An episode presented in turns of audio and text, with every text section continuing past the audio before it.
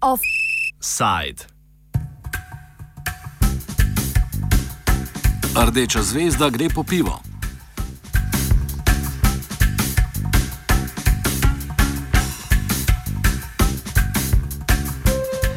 Bliža se dan, ko bo še en nekdani tako imenovani nacionalni ponos pivovarna Laško in z njim tudi Union prodana tujemu kapitalu. Včeraj je pivovarska multikorporacija Heineken potrdila namero o odkupu skoraj 45 odstotnega deleža delnic pivovarne Laško. Gre za svežen delnic, ki jih v skupnem paketu prodajajo Družba za upravljanje terjatov, DUTB, kapitalska družba KAT, A-banka, Nova kreditna banka Maribor, Zavarovalnica Triglav, Alpen Invest in KD skladi. Prodaja družinske srebrnine dveh največjih pivovarn, Uniona in Laškega, ima sicer že dolgo zgodovino.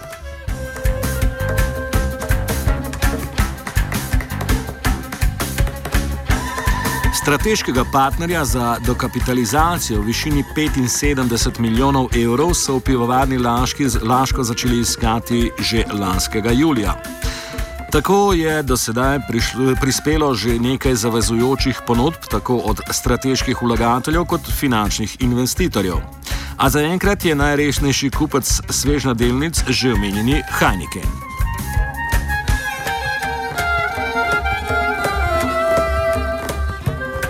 Rok za oddajo zavezujočih ponudb za nakup, ki za pivovarno hkrati pomeni tudi dokapitalizacijo, je do konca tega meseca. Po nekaterih podatkih pa naj bi bil rok že prihodnji četrtek.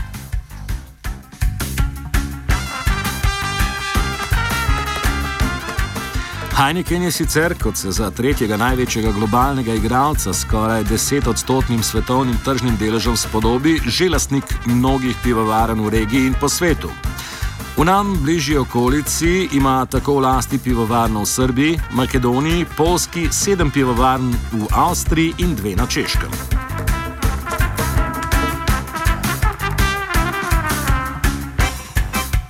Preden preidemo na Laško, še nekaj besed o izkušnjah v drugih državah, ko na trg vstopi igralec največjega formata. Torej, kako bo to vplivalo na pivovarsko industrijo pri nam, e, kakšni bodo, če sploh, pozitivni finančni vplivi po prevzemu, če in ko do njega tudi pride. Pred leti je veljalo, da štiri najpomembnejše proizvajalke piva na svetu, tako po dolgoletni tradiciji, kot tudi kvaliteti, te so Nemčija, Belgija, Velika Britanija in Češka, še vedno klobujejo procesom prevzemanja strani multikorporacij, o tem ne moremo več govoriti češki pivovarski strokovnjak. Strokovnjak Milan Rambosek je pretekle, v preteklosti deloval v številnih manjših, kako tudi v večjih pivovarnah po svetu. Sodeloval je tudi s slovenskimi pivovarji, poleg tega je lastnik manjše pivovarne na Češkem. Kakšno je njegovo mnenje po vstopu Heinekena na češki trg? Kako je to vplivalo na češko pivovarsko industrijo? Za češko pivovarsko industrijo to ni. Uh praktično dobiček. To je prodaja danes. Ja. E, kvaliteta piva se e, podvigla na eno, eno e, ravino, kašna e, ne gre definirati. Je to samo industrijsko pivo. In temu tako rečemo chemična alkoholična voda. To niso piva za e, današnjih praktično pijakov piva. Ja. Veliko velik se razvija industrija mehkih pivovarni, ampak s sprejetjem praktično čeških velikih pivovarni od tujih, eh, kohajne kemi, rečemo, šla kvaliteta na dol. To je mm, naša izkušnja danes. Ja. Logično, logično se cena išla malo na dol in povečala se prodaja. To ja ampak uh, navadni pijaki vsakodnevni iščejo drugačne vrste piva. Te jim nič ne rečejo, te niso za njih, no, te industrijske. To pomeni, če je kvaliteta češkega piva, dvojnih dekokcij, to, kar je svetovno znano, praktično se zgublja in prihajajo nove zahodne piva, uh, brez uh, farbe, brez okusa praktično te industrijske. Tem uh, si mislim šla na dolno. Poglejmo še primer iz Hrvaške. Kalovačka pivovara je bila Heinekenu prodana leta 2004. Prejšnje leto pa so se pri Heinekenu odločili, da spremenijo ime pivovarne in so jo uradno preimenovali v Heineken Hrvatska. A v smislu profita je tržno še zmeraj pod blagovno znamko Karlovačko pivo. Prav tako je Heineken skladno s preverjeno strategijo lansko leto od hrvaške države dobil dovoljenje za polnjenje Amstel piva. Kaj pomeni prevzem tuje multinacionalke za lokalno pivovarsko tržišče in pivce, ter tudi kaj lahko sklepamo na podlagi polnjenja piva Amstel? Za mnenje smo poprašali Borivoja Repeta. Danes v svetu uh, dominira v pivovarstvu toliko in toliko multinacionalk, ne, ne vem, 5, 10, 15, se ni važen. In te multinacionalke prevzemajo več ali manj vse pivovarne po svetu.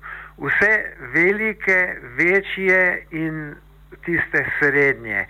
Preživi lahko samo obrtna pivovarna, mikropivovarna ali pa tisto, kar imenujemo manjša pivovarna. Kaj pa to pomeni za pivce, ljubitelje piva? Nič. Pivo bo ostalo natančno takšno, kakršno je, z enakimi etiketami, v enakih flašah, z enako kvaliteto. Ti, eh, poleg tega bojo pa lansirali še en določen manjši procent svojih blagovnih znamk. Eh, ampak to ne bo na, niti na tržišče, niti na okus pivcev, niti na nič ne bo čist nič vplivalo. To bo samo mogoče dodatna ponudba ki, ki je bolj, bolj, bolj zanimiva, mogoče za turiste ali pa za ne vem, v, v za kakšne restauracije ali kaj, ampak potrošniki bojo pili natančno isto pivo kot to je model današnji. Ne? Že pred leti so v Laškem, po vsej verjetnosti zaradi velikih dolgov skupine Laškov, pivo na mesto ječmena pričeli dodajati skozi leta vse večji delež koruzne polente, kar so potrošniki in pivopivci lahko opazili poleg seveda spremenjenega okusa zgolj na etiketi kot neslajena žita. Z lanskim letom so iz deklaracije na pivu izginile neslajene žitarice. Pivo pa je zopet vsaj po okusu bolj podobno staremu Laškemu. Kaj o nadomestnih surovinah meni češki strokovnjak na področju varjenja piva, Rambusek, o, če v Laške vstopi Heineken? No, jaz, jaz osebno se bojim, že s projektom Heinekena Laško eh, bo eh, absolutno drugačna filozofija prodaja. In to, kar ste rekel, kar se tiče nadomestnih surovin, se lahko še poveča.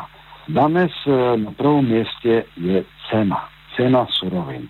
A če gre nadomestiti uh, klasičen slad, koruzo ali rižo ali drugimi ali sladkorem, do 20 odstotkov gre aj sladkorem, to ne pripelje nič dobrega za okus piva.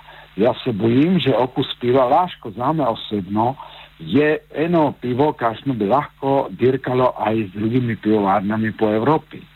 O Uniji nisem tega mnenja, ampak Laško enostavno. Nažalost, Laško v zadnjih letih res kvaliteto šlo malo zaradi teh nadomestnih surovin na dol. Ampak prodajo bo eh, stiskali njih, Heineken, da se prodaja to, kaj oni sami si želijo, ne kaj si želijo uh, ti konzumenti. Tega se bojim. Jaz osebno Eh, tega počutim na Češku in se isto bijem za uh, Budweiser, ne, da ostane v čeških rukah, da ta tehnologija praktično svetovna uh, nadaljuje. A tega bi sem si želel logično aj v Sloveniji, zato že Slovenija tok prilik uh, nadaljevati, kar se pivarstva tiče. Če da vse v tuje ro roke, bojim se tega, že potem to pivarstvo se ne bo. Tako, no. To je moje mnenje. Pozitiven učinek uniformiranosti okusa piva je vznik mikropivovaren, nič drugače ni v Sloveniji. Kaj o domačih oziroma gostilniških pivovarnah misli Rambusek? Jaz uh, sem za razvijanje teh uh, mikropivovarn, ja? teh domačih pivovarn, uh, gostinskih in podobno. Ampak želim si, da Slovenija pridobi to, kar je bilo pred letom 1918 praktično, ne, avstrogarske, ko se razpadla. Da e, Slovenija ima nazaj tradicijo piva. To pomeni spet pivo spodnega vrenja, plzeňskega tipa. Ni to, kar danes povečinoma slovenske mikropivovarne delajo, to je zgornjo vrenje. Zakaj delajo zgornjo vrenje? Zato, že ni v Sloveniji pivovarna, kašna bi z veseljem prodala klasovke spodnega vrenja. Vsi si držijo te klasovke, Union ali Laško, ti jih ne prodajo. Zato, že vejo, že od tega se odvija praktično to njihovo pivo. A zgornjo vrenje to ni za bodočnost, to je ena moda. A jaz sem samo osebno učil v Sloveniji spodno vrenje in mislim, smo dosegli uspehov na majhnih pivovarnah in uh, želim si, da se tole razvija. Torej, kakšne so razlike v spodnjem in zgornjem vrenju? Nadaljuje Rambusek. Kar se tiče razlike spodnjega in zgornjega vrenja. Spodno vrenje, eh, to pomeni klasovke, eh, delajo pri nizkih temperaturah.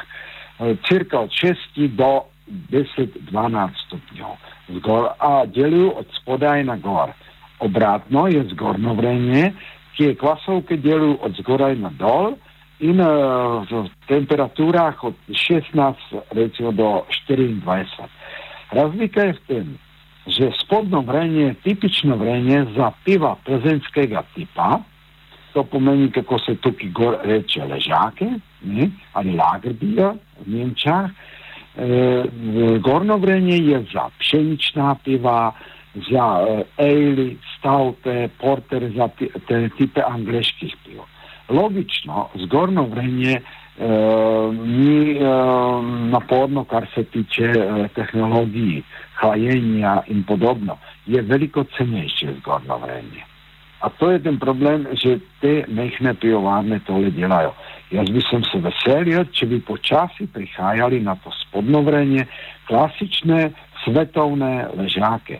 To je evropski stil, bi smo rekli. Ampak evropski stil od eh, tukaj Češka rečemo do Balkana koncu. Ja, ampak od te strani, od Avstrije počasi Nemča na zahodno stran, po Ameriko je tipičen infuzni sposob. Ja, še. To je še ena razlika. Ja? A jaz sem zato, da imamo svoj evropski štil tukaj.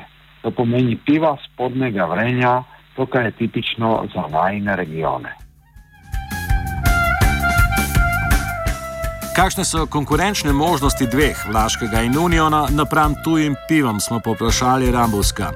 Prisluhnimo, kaj je imel zapovedati o zdaj najverjetneje zamujenih priložnostih. Konkurencija Vlaška. No. Z Heinekenom primer, ne gre, absolutno ne gre. Heineken je po okusu prazno, eh, pregrenko pivo in eh, to ne gre. Laško je večja primerjava k tem pivom eh, tej vzhodnej strani. To pomeni, če rečemo Polske, Češka, mogoče je ta Avstrija, tak, Ja? Ampak Unión ne.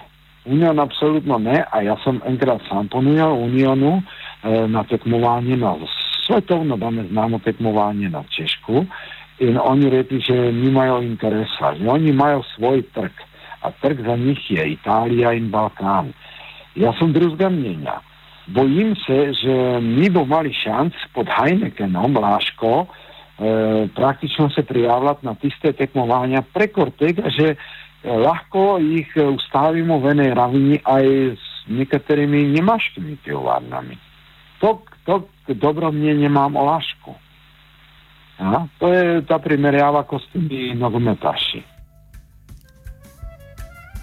Po katerem primeru pa bi se morali zgledovati, če bi hoteli ohraniti in še naprej razvijati domačo pivovarsko tradicijo? To nam nakaže repet.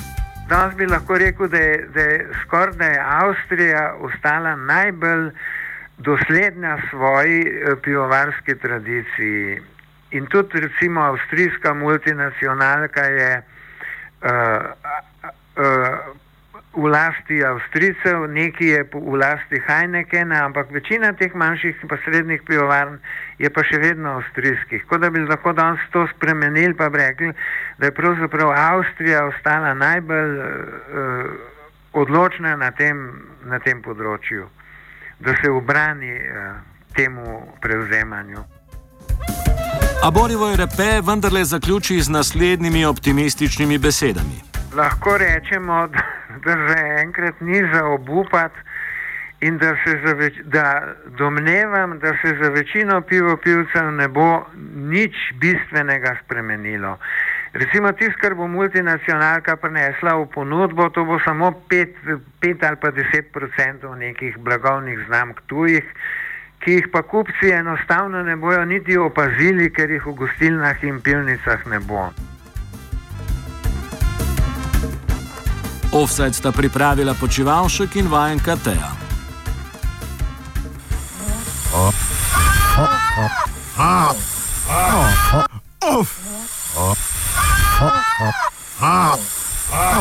Offside.